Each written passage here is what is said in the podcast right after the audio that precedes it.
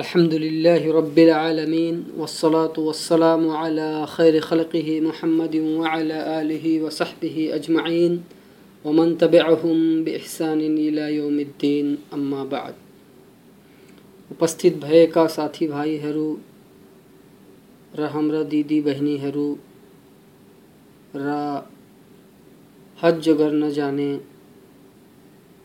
हाम्रा हाजी दाजुभाइ दिदीबहिनीहरू आजको यस शुभ अवसर अवसरमा म तपाईँहरूलाई हजका शर्तहरू र त्यसका थरीहरू र मिकातहरूको बारेमा केही ज्ञानवर्धक कुराहरू बताउने आँट गरेको छु। अल्लाहसित बिन्ती छ कि अल्लाह हामी सबैलाई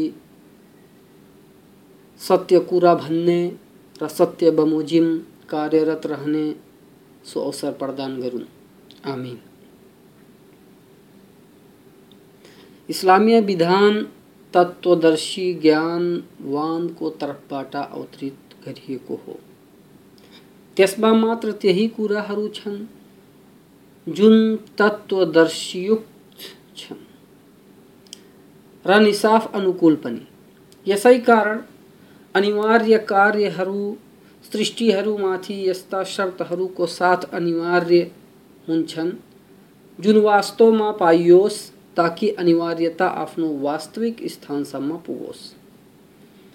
र तिनै अनिवार्य कार्यहरूमध्ये हज पनि हो, जुन भक्तहरूमाथि केही शर्तको साथ अनिवार्य छ। र निम्न हुन्। पहिलो शर्त हज करने मान्छे मुसलमान होस्। यसको अर्थ यो भयो कि काफिर नास्तिकमाथि हज अनिवार्य छैन। किनकि गैर मुस्लिमलाई हामी पहिला इस्लामतर्फ आह्वान गर्छौँ अनि त्यस पश्चात इस्लामीय निर्देशनहरूको हुकुम दिन्छौँ। किनकि इस्लामीय विधान अर्थात् निर्देशनहरूलाई बिना इस्लाम स्वीकार गरिँदैन। जस्तो कि अल्लाहको फरमान छ, वमा मनाहुम तुकबल मिनहुम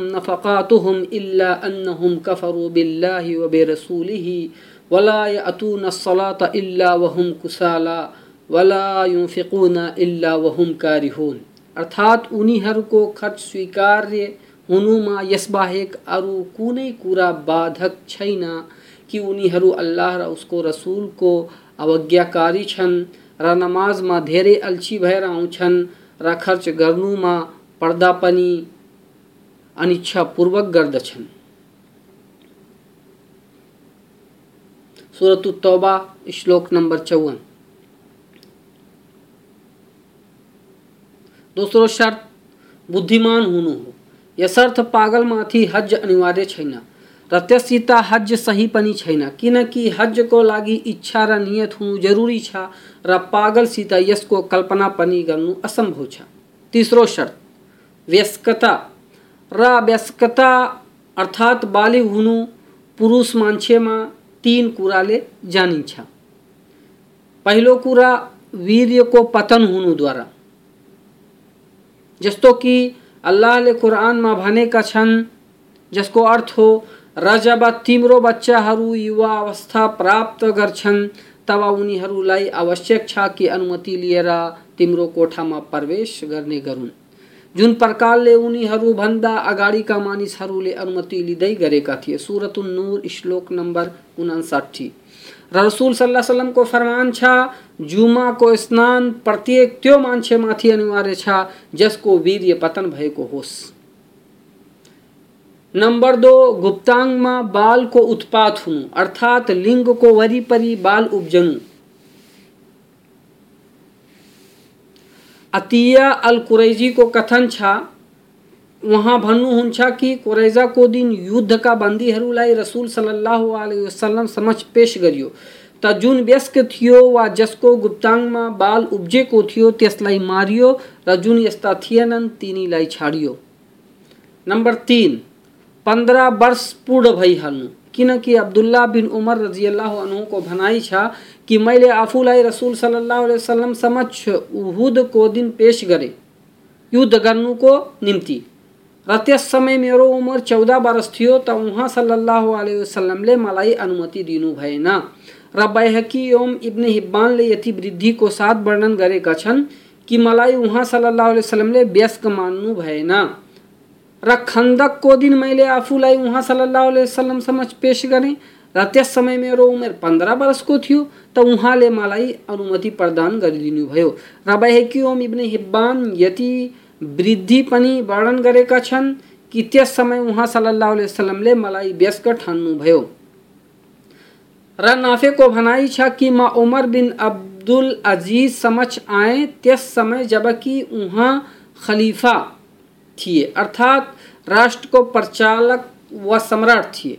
अनि मैले यस हदिसलाई वर्णन गरेँ त उहाँले भन्नुभयो यो सानो र ठुलो बिचको अन्तर सीमा हो।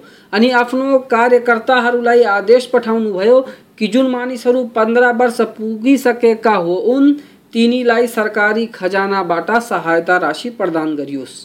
यस हदिसलाई बुखारीले वर्णन गर्नुभएको छ।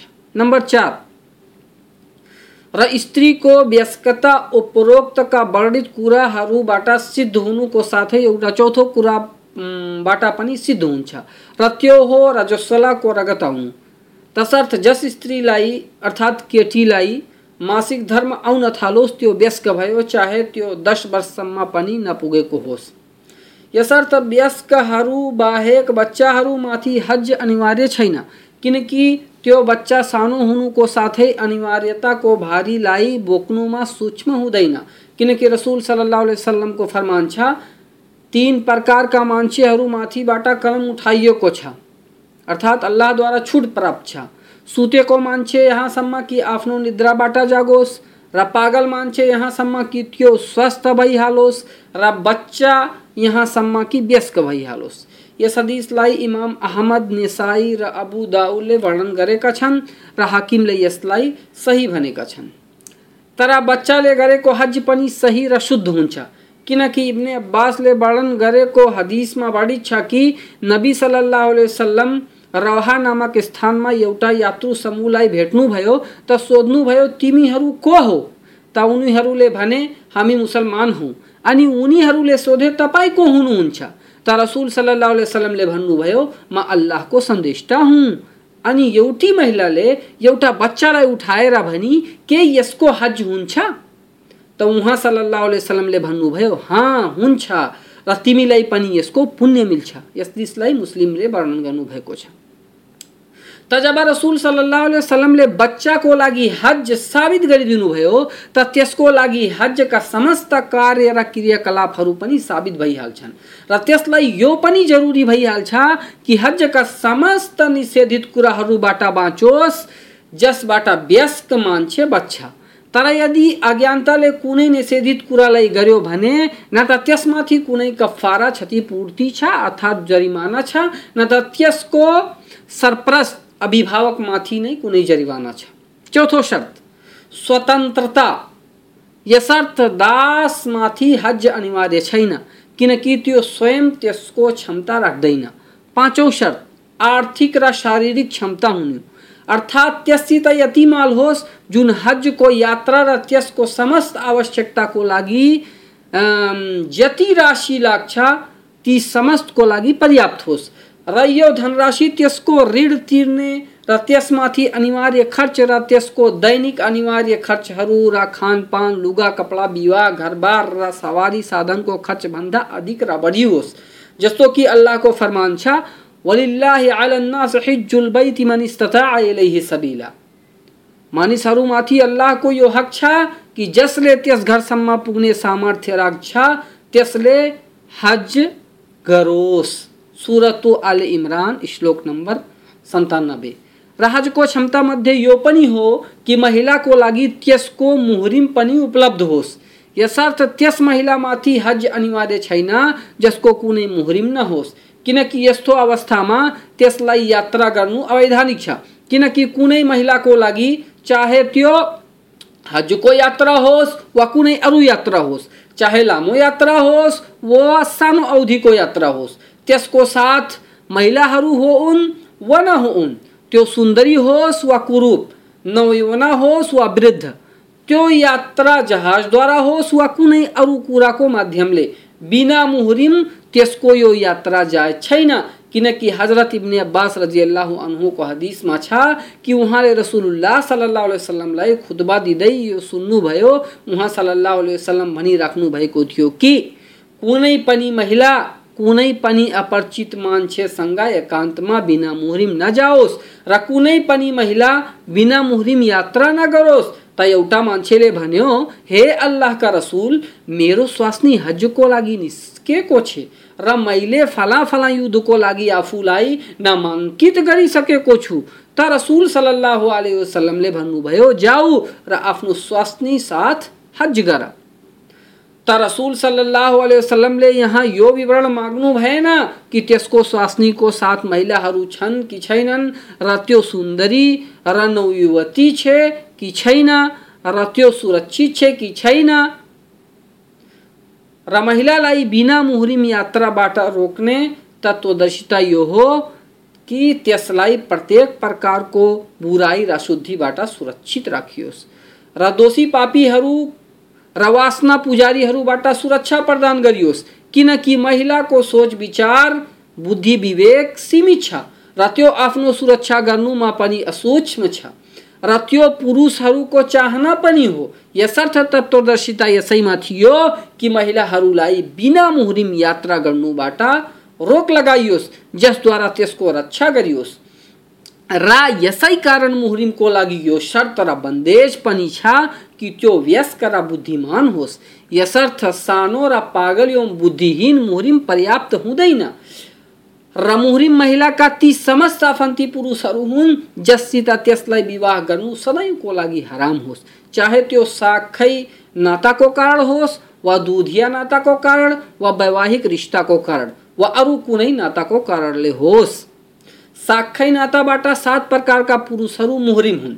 नंबर एक, अल उसूल, अर्थात् बाबु बाजेहरू जति माथिल्लो वंश श्रेणीको भए पनि, जसरी बाबू को बुआ बुआ को बुआ बुआ को बुआ आदि, वा आमाको बुवाको बुवा, वा त्यसको बुआ को बुआ र यिनी चाहे बुवाको तर्फबाट हुन् वा आमाको तर्फबाट, सबै मुहरिम हुन्। नम्बर दो फुरु, अर्थात् छोरा र छोराका छोराहरू। र छोरीका छोराहरू चाहे जति तल्लो वंश श्रेणीका हुन्।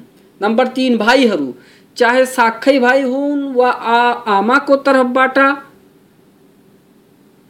अर्थात् आमा एउटै होस् र पिता दुई।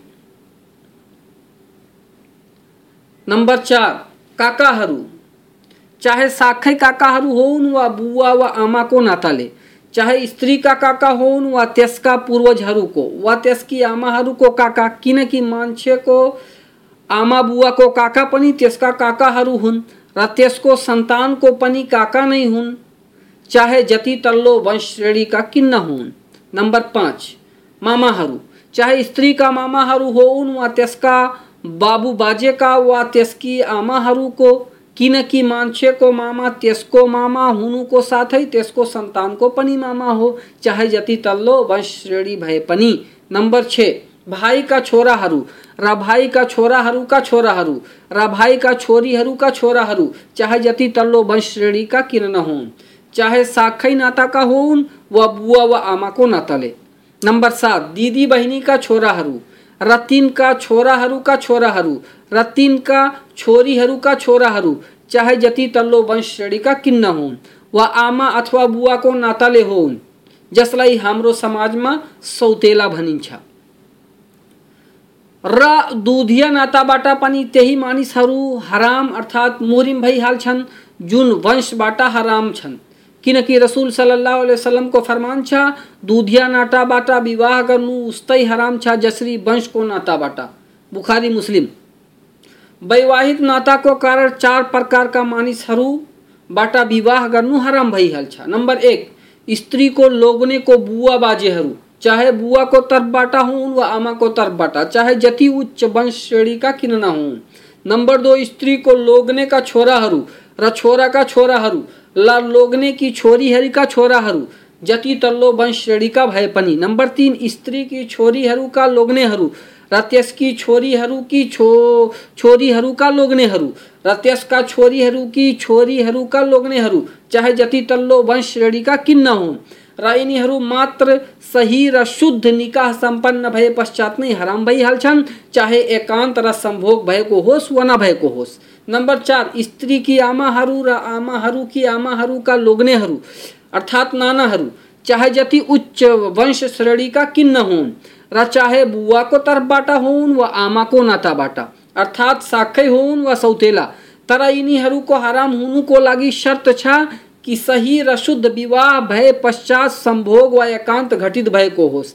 यसर्थ, यदि यिनी मध्ये कसैले कुनै महिलाबाट विवाह गर्यो, र सम्भोग गर्नुभन्दा अगावै त्यस महिलालाई तलाक दियो भने, यस महिलाकी छोरीहरूको लागि त्यो हराम भएन। त्यसकी छोरीहरू यस मान्छेबाट विवाह गर्न सक्छिन्। यसर्थ मान्छे यदि आफ्नो मालको कारण हज गर्नुमा सूक्ष्म छैन भने त्यसमाथि हज अनिवार्य छैन र यस्तै यदि मान्छे आफ्नो मालद्वारा त सूक्ष्म छ, तर शारीरिक तौरले सूक्ष्म छैन त हेरिन्छ कि यदि त्यसको असमर्थता यस्तो छ, जुन सिद्धिन्छ, जसरी कुनै रोग लागेको छ, जुन ठिक हुन सक्छ, त रोग निको हुनुसम्म प्रतीक्षा गरिन्छ। अनि रोग निको भए पश्चात त्यो आफ्नो हज स्वयं आफै गर्छ। तर यदि त्यसको असमर्थ यस्तो खालको छ, जसको अन्त्य हुँदैन, जसरी त्यसलाई यस्तो रोग लागेको छ, जसको सन्चो हुने सम्भावना नै छैन, वा त्यो अतिवृद्ध अवस्थामा पुगिसकेको छ कि सवारीमा राम्ररी बस्न पनि सक्दैन, त यसको तर्फबाट कोही हज गरोस् जस्तो कि इब्ने अब्बासको हदिसमा बढी छ कि खुसुम गोत्रको एउटी महिलाले रसुल सल्लाह वसलमसित भनी, हे अल्लाहको रसुल, मेरो बुवामाथि अल्लाहले अनिवार्य गरेको हज अनिवार्य भइसकेको छ। तर उनी यति वृद्ध भइसकेका छन् कि सवारीमाथि राम्ररी बस्न पनि सक्दैनन् त उहाँ सल्लाह वसलमले भन्नुभयो तिमी त्यसको तर्फबाट हज गर। Bukhari, Muslim, Tirmidhi, Nasai, Abu Dawud इब्ने माजाले यस हदिसलाई वर्णन गरेका छन्। ताई हज का शर्तहरू हुन्, जसलाई मान्छेमा पाइनु अति आवश्यक छ न त त्यसमाथि हज अनिवार्य हुँदैन। र यी शर्तहरूमा तत्वदर्शिता दया र न्याय निसाफ निहित छन्। अल्लाह भन्दा तत्वदर्शिता को हुन सक्छ? आस्थावानहरूको दृष्टिमा। र रह्यो मिकातको कुरो त मिकात दुई प्रकारका हुन्छन्। सामयिक र स्थानिक। तहज गर्नुको लागि समय सीमा निर्धारित छ, तर उम्रको लागि कुनै समय सीमा छैन। किनकि अल्लाहको फरमान छ, अल हज अशहुर मालूमात। हजका महिनाहरू निर्धारित छन्। सुरतुल बकरा, श्लोक नंबर एक सौ सन्तानब्बे र यी मानिसहरू र यी मिकात र यी महिनाहरू तिन छन्। सवाल जुल्कादा र जुलहिज्जा र रह्यो स्थानिक मिकातहरू त यी पाँच छन् जसलाई रसुल सल्लाह वसलमले निर्धारित गरेका छन्। बुखारी र मुस्लिममा इब्ने अब्बासको माध्यमले एउटा हदिस वर्णित छ। इब्ने अब्बास वर्णन गर्नुहुन्छ कि रसुल सल्लाह वसलमले मदिनावासीहरूको लागि जुल हुलैफालाई मिकात निर्धारित गर्नुभयो र शामवासीहरूको लागि जुहफा र नजदवासीहरूको लागि कर्नुल मनाजिल र यमनवासीहरूको लागि यलमलम। त यी मिकातहरू यिनीहरूको लागि हुन् र ती मानिसहरूको लागि पनि जुन हज र उम्राको मनसायले यसबाट गुजरन्छन्। र जुन यी मिकातहरूको सीमाभित्र छन् उनीहरूको मिकात उनीहरूको वासस्थान हुन्। र यस्तै मक्कावासीहरूको लागि मक्का नै मिकात हो। र हज़रत आयशा रज़ी अल्लाह अनहाको वर्णन छ कि रसुल सल्लाह वसलमले इराकवासीहरूको लागि जाते इर्क मिकात निर्धारित गर्नुभयो। यसलाई अबु दाउद र रसैले वर्णन गर्नुभएको छ। त पहिलो जुल हुलैफा र यसलाई आबारे अली पनि भनिन्छ र मक्का बीच दस चरण को अवधि जति को दूरी छ, अर्थात् अर्थात् दस दिन जतिको दूरी। चार सौ आठ किलोमिटर। आजको पैमाइसमा जुन मदिनावासी र ती समस्त मानिसहरूको लागि मिकात हो, जुन यसबाट गुज्रुन्। नंबर दो, जुहफा। यो एउटा प्राचीन गाँव हो, जस गाँव र बीच तीन चरण को अवधि जति को दूरी छ। अर्थात एक सौ चौरासी किलोमिटर। र यो गाउँ नष्ट भइसकेको छ, यसै कारण मान्छेहरू राबिगबाट एहराम लगाउँछन्। र यो शामवासी र जुन यसबाट गुज्रन्छन्, तिनका लागि मिकात हो यदि यसभन्दा पहिला जुलहुलैफाबाट नगुज्रेको हो उन तर यदि जुलहुलैफाबाट यी मान्छेहरू गुज्रेका छन् भने त्यसैबाट एहराम लगाउनु अनिवार्य भयो। नम्बर तिन, कर्नुल मनाजिल। र यसलाई सैल पनि भनिन्छ। र यसको र मक्काको बिचको दूरी दुई चरणको छ। अर्थात् अठहत्तर किलोमिटर। र यो नजदवासीहरू र जुन यसबाट गुज्रुन तिनको लागि मिकात हो। नम्बर चार, यलमलम।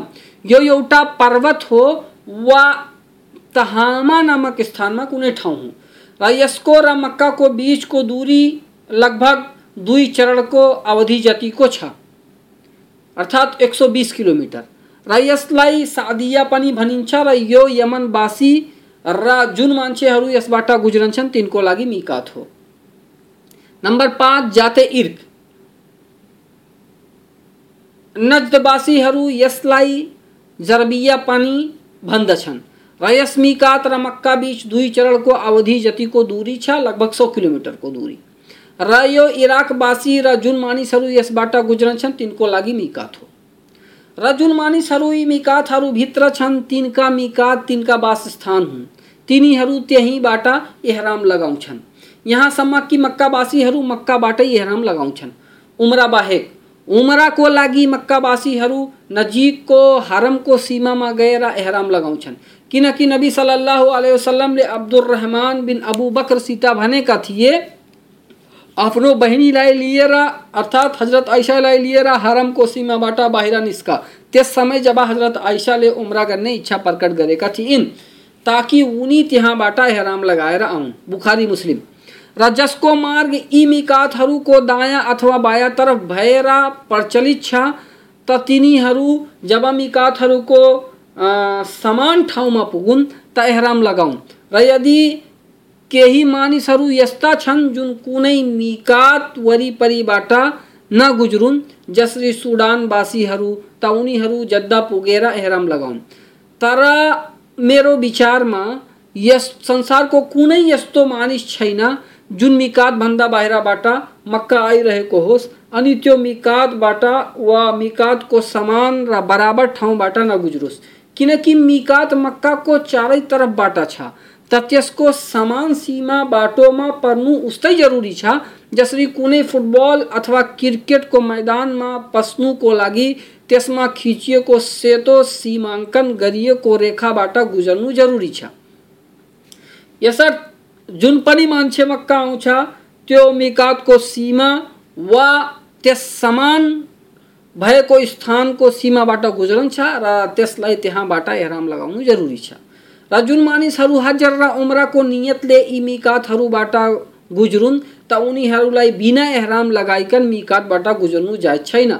यसर्थ यदि कोही वायुमण्डलमा हवाई जहाजमा छ र उम्रा अथवा हजको नियतले आइरहेको छ भने, त्यसमाथि अनिवार्य छ कि जब माथिबाट मिकातको सीमाबाट गुज्रोस्, त हेराम लगाइहालोस् अर्थात् मिकातमाथि पुग्नुभन्दा अघि नै हेरामको लुगा लगाइहालोस् र जब मिकातको माथिबाट गुज्रोस्, त नियत गरिहालोस् र यस्तो अवस्थामा त्यसको लागि हेरामलाई जद्दासम्मको लागि अवलम्बित गर्नु जायज़ छैन। किनकि यो कुरो अल्लाहको सीमा अतिक्रमण गर्नु अंतर्गत आउँछ? जस्तो कि अल्लाहको फरमान छ, वमन यतअद्द हुदुदल्लाहि फकद ज़लम। र जो अल्लाहका सीमाहरूभन्दा अगाडि बढ्ने छन् तिनीहरू आफूमाथि नै अत्याचार गर्नेछन्। सुरत तलाक श्लोक नम्बर एक। र अर्को ठाउँमा अल्लाहको फरमान छ, वमन यतअद्द हुदुदल्लाहि फउलाइक हुमुज जालिमुन। र जुन मानिसहरू अल्लाहका सीमाहरूको उल्लङ्घन गर्छन् तिनीहरू अत्याचारु अत्याचारी हुन् सुरतुल बकरा श्लोक नम्बर दुई सौ उन्तिस र अर्को ठाउँमा अल्लाहको फरमान छ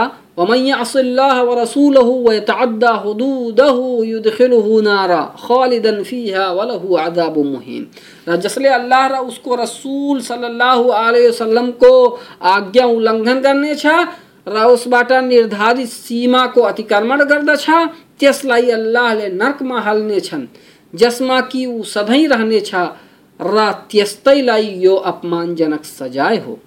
सुरतुन्निसा श्लोक नम्बर चौध र जुन मान्छे हज अथवा उमराको नियतले मिकातबाट आएको छैन, तर केही समय पश्चात हज अथवा उम्रा गर्ने इच्छाको उत्पात हुन्छ त त्यो मान्छे त्यसै स्थानबाट एहराम लगाओस्, जहाँ त्यसको इच्छाको उत्पात भयो। किनकि बुखारी र मुस्लिमको इब्ने अब्बासको त्यस हदिसमा जसमा मिकातहरूको वर्णन छ कि जुन यस बाहेक छन्, उनी एहराम लगाउन् जहाँबाट नियत गरून् यसर्थ, जुन मान्छे उम्रा र हजको नियतले होइन, बरु मक्कामा कुनै आवश्यकता र स्वार्थको लागि वा कसैको जियारतको लागि वा कुनै आफन्तीसित भेट्नुको लागि वा चिकित्सा र व्यापारको लागि जान्छ त्यसमाथि एहराम लगाउनु अनिवार्य छैन। जबकि त्यो अनिवार्य हज र उम्रा गरिसकेको होस्। इब्ने अब्बासको हदिस बमोजिम कि यी मिकातहरू तिनका लागि मिकात हुन्, जुन हज र उम्राको उद्देश्यले यसबाट गुज्रन्छन्। तसर्थ, जसले हज एवं उम्राको नियतले आएको छैनन्, त्यसमाथि एहराम लगाउनु अनिवार्य छैन। र हज र उम्राको इच्छा गर्नु पनि त्यसमाथि अनिवार्य छैन। किनकि त्यसले आफ्नो अनिवार्य हज र उम्रा गरिसकेको छ। र यी दुवै अर्थात् हज र उम्रा पूर्ण जीवनमा मात्र एक पटक नै अनिवार्य छन्। किनकि जब नबी सल्लाह वसलमसित सोधियो कि के यो प्रत्येक साल अनिवार्य छ, त उहाँ सल्लाह वसलमले भन्नुभयो, हज एक पटक अनिवार्य छ, र यसभन्दा बढी नफली हज हुन्छ, र यस्तै उम्रा पनि जीवनमा मात्र एक पटक नै अनिवार्य छ। तर यदि कोही हजका सम्मानित महिनाहरूमा यी मिकातहरूबाट गुज्रन्छ त त्यसलाई चाहियो कि त्यो हज अथवा उम्राको एहराम लगाओस्, चाहे त्यसले अनिवार्य हज र उम्रा किन्न गरिसकेको होस्। ताकि त्यसलाई यसको पुण्य मिलोस् र यसबारेमा मतभेदको शङ्कास्पद कुराहरूबाट टाढा रहोस्। अब कुरा गरौँ हजका थरीहरूबारे। त हजका तीन थरीहरू छन्। पहिलो हज तमत्तो र यसको अर्थ हो कि मान्छे हजका सम्मानित महिनाहरूमा मात्र उम्राको लागि एहराम लगाओस्, अनि तवाफ, परिक्रमा सही, अर्थात् सफ़ा मरवा बिचको दौड गरेर, कपाललाई खौराएर वा कटाएर त्यसलाई सम्पन्न गरोस्, अनि आफ्नो एहरामलाई फुकाली हलाल भइहालोस्, अहराम, अर्थात् एहरामको बन्देजबाट मुक्त भइहालोस्, अनि त्यसै वर्ष हजको निर्धारित समयमा हजको एहराम लगाओस्।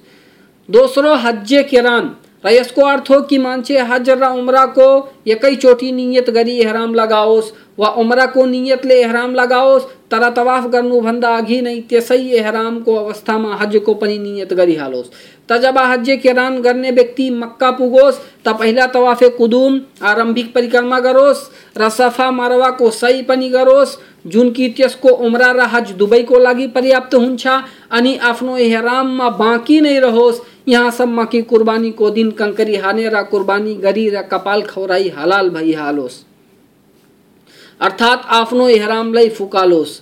र यस मान्छेको लागि यो पनि जायज़ छ कि तवाफे कुदुमको साथ सही नगरोस् बरु त्यसलाई हज पश्चात गर्नुको लागि छाडिदियोस् र यस्तो गर्नु त्यस समय अति उत्तम मानिन्छ जब हाजी मक्कामा विलम्बले पुगेको होस् र यस्तो अवस्थामा यदि त्यो सही गर्छ भने हज छुट्ने खतरा र शङ्का छ, अर्थात् अर्फातको चौरमा पुग्नु असम्भव देखिन्छ भने सहीलाई हज पछि गर्नु अति उत्तम छ।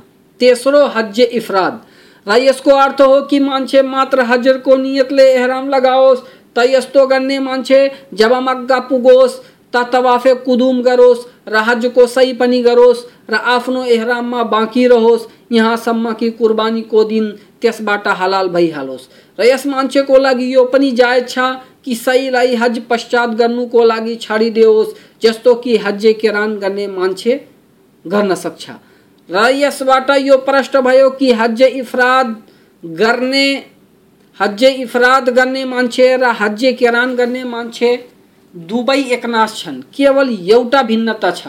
र त्यो हो कि हज किरान गर्ने मान्छेमाथि हजको बलि पनि छ जबकि हज इफराद गर्ने मान्छेमाथि बलि गर्नु छैन। र हजका समस्त थरीहरूमध्ये हज तमत्तो सर्वश्रेष्ठ छ। किनकि नबी अलैहि वसल्लमले आफ्ना साथीहरूलाई यसको प्रेरणा दिनुको साथै आदेश पनि गरेका थिए।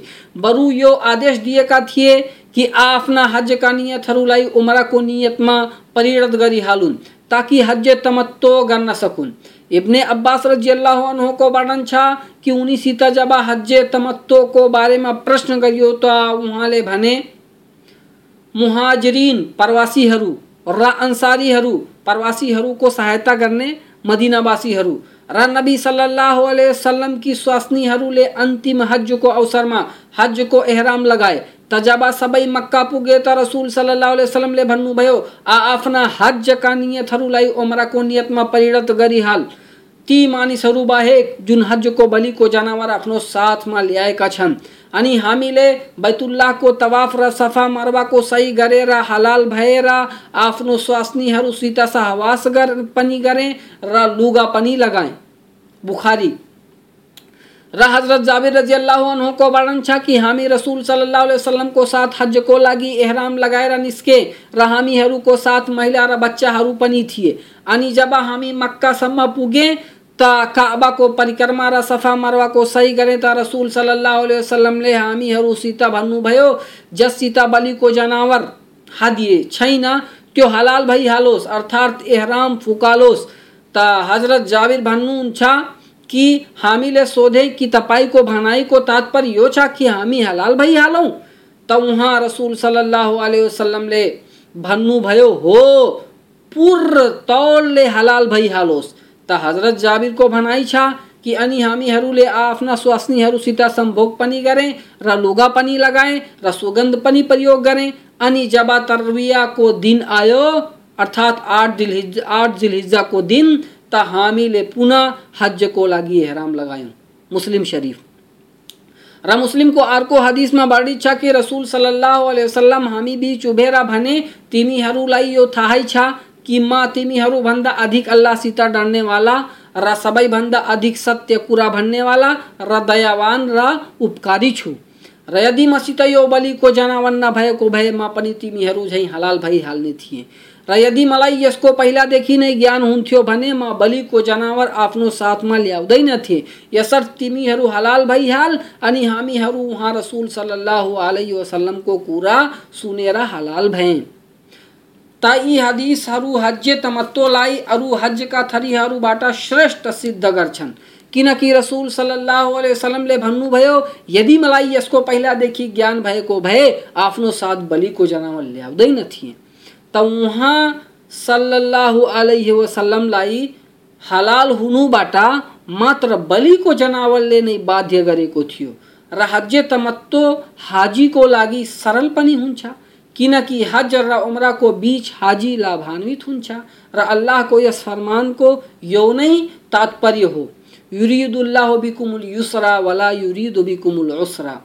अल्लाह तिम्रो निम्ति सुविधा चाहन्छ, कठोरता र असुविधा चाहँदैन सुरतुल बकरा, श्लोक नम्बर एक सौ पचासी। र नबी सल्लल्लाहु अलैहि वसल्लमको फरमान छ मलाई सोझो र दयावान धर्म दिएर पठाइएको छ। र हाजी कहिलेकाहीँ हज तमत्तोको नियत गर्छ, तर त्यसको क्षमता आफूभित्र पाउँदैन। अर्थात् त्यसलाई अर्थात्को चौरसम्म पुग्नुभन्दा अघि पूर्ण गर्न सक्दैन। त यस्तो अवस्थामा त्यसलाई चाहियो कि भन्दा अघि नै उमरालाई हजमा प्रविष्ट गरी हज्जे केरान गरिहालोस् र यसका दुई उदाहरणहरू पनि छन्। पहिलो पहिलो उदाहरण, एउटी महिलाले तमत्तोको एहराम लगायो। तर उम्राको तवाफ गर्नुभन्दा अघि नै त्यसलाई रजस्वला आयो वा त्यसलाई प्रसुतिको रगत आयो। र अर्थात्को चौरमा उभिनु, उभिने दिनसम्म पवित्र हुने कुनै सम्भावना छैन। त यस्तो अवस्थामा त्यो हजको एहरामको नियत गरी हज्जे केरान गर्नेवाली भइहाल्छ। र त्यो पनि ती समस्त कार्यहरू गर्छे जुन हाजीहरू गर्छन्, तवाफ र सही बाहेक। यहाँसम्म कि पवित्र भई स्नान गरोस् अनि बैतुल्लाहको तवाफ र सफ़ा मरवाको सही गरोस् दोस्रो उदाहरण एउटा मान्छेले हज्जे तमत्तोको एहराम लगायो। तर वकुफे अर्फाको समयभन्दा अघि मक्कामा प्रवेश गर्न सकेन। त त्यो हजलाई उम्रामा प्रविष्ट गरेर हज किरान गर्छ, पहिला उम्रालाई पूर्ण नगर्नुको कारण।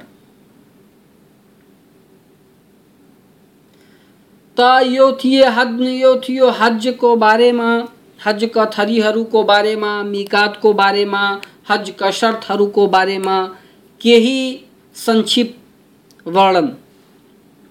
म अल्लाहसित दुआ गर्छु कि अल्लाह हामी सबैलाई यी समस्त शर्तहरूलाई पूर्ण गर्ने र, त्यसका मिकातहरूदेखि एहराम लगाउने, र नियत गर्ने र ती समस्त कुराहरूलाई जुन हज र उम्रामा अनिवार्य हुन्छन्, त्यसलाई पूर्णतया सम्पन्न गर्ने तौफिक प्रदान गरून्। आमिन।